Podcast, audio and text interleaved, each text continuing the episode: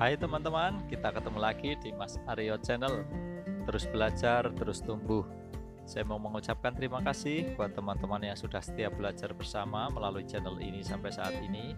Terima kasih juga buat teman-teman yang setia melalui channel YouTube, yang sudah subscribe, like, dan juga komentar. Saya ucapkan terima kasih. Buat teman-teman yang baru bergabung di podcast ini juga selamat datang teman-teman, selamat bergabung di Mas Aryo Channel. Saya berharap adanya podcast ini bisa memberikan banyak manfaat untuk kita semua. Kita bisa sharing-sharing, bisa belajar bersama melalui podcast ini. Nah, teman-teman, pada kali ini kita akan bicara tentang jualan yang sedang sepi, teman-teman. Ya, kalau teman-teman ini pedagang, pasti sudah biasa ya rame dan sepi itu sudah bukan hal yang aneh. Itu rame ya biasa, sepi ya biasa. Nah, kalau rame biasanya kita mengeluh capek, rame sekali tapi kalau sepi juga kita galau nggak ada duitnya. Nah biar nggak berkepanjangan kalaunya ya kita akan bahas apa yang sebaiknya kita lakukan ketika jualan itu sepi. Kita mulai dari yang pertama teman-teman. Yang pertama adalah bersyukur. Nah sepi tapi bersyukur. Kalau sampai saat ini kita masih diberi kesehatan pertama-tama yang kita lakukan adalah bersyukur teman-teman karena tanpa kesehatan, toko yang ramai pun, uang yang banyak pun akan terasa percuma. Ya, makanan yang enak pun akan sulit sekali dinikmati. Bukan makanannya yang tidak enak, tapi kitanya yang tidak enak makan. Nah, uang pun hanya digunakan untuk membeli obat. Maka, pertama-tama yang harus kita lakukan selalu bersyukur. Kemudian, yang kedua, teman-teman, yang bisa kita lakukan ketika jualan sedang sepi adalah beres-beres. Kita bisa menggunakan kesempatan ini untuk bersih-bersih tempat usaha kita.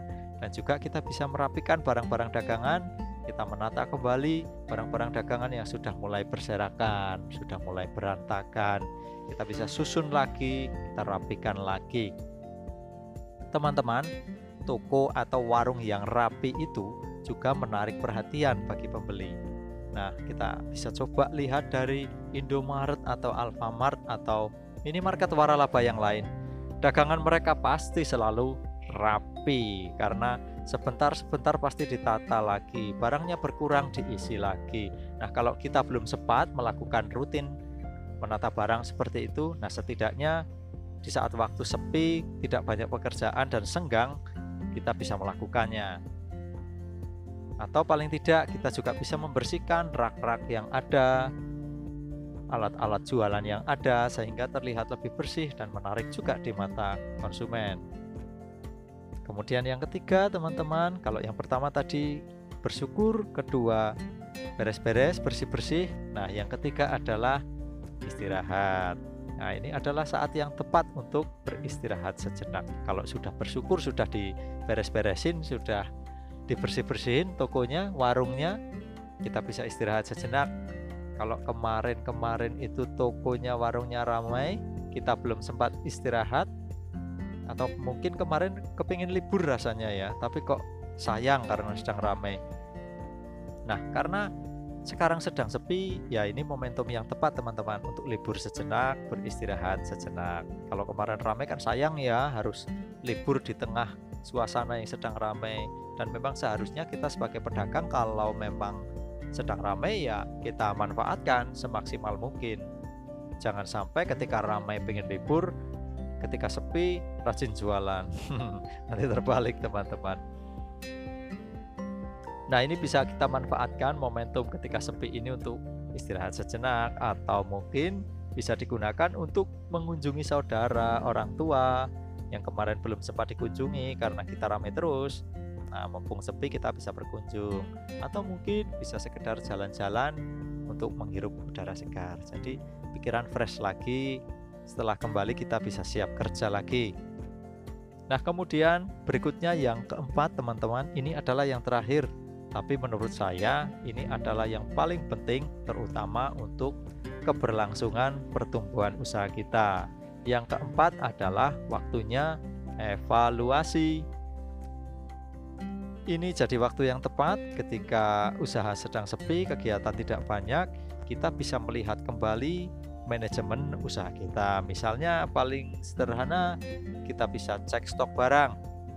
Kalau kemarin mungkin keadaan ramai tidak sempat kontrol stok barang, di waktu jualan sepi seperti ini bisa kita pakai waktunya untuk mengecek barang-barang apa saja yang mungkin ada yang hampir kadaluarsa atau mungkin jarang dikeluarkan, tempatnya terselip di belakang, jadi jarang laku, tidak terpajang dan tidak terlihat. Nah, itu bisa kita kondisikan supaya bisa lebih baik. Nah, kemudian kalau sampai ditemukan barang-barang yang kadaluarsa misalnya, oh itu artinya penjualannya tidak terlalu baik ya untuk barang-barang itu. Nah, kita masih bisa memikirkan kembali, kemudian memutuskan besok-besok masih mau jualan barang ini tidak karena ternyata barang ini tidak terlalu laku ya di tempat kita atau mungkin kita ganti saja dengan barang lain karena ada banyak varian baru yang kita belum pernah jualan Artinya kita menggantinya dengan barang yang sebelumnya tidak kita sediakan.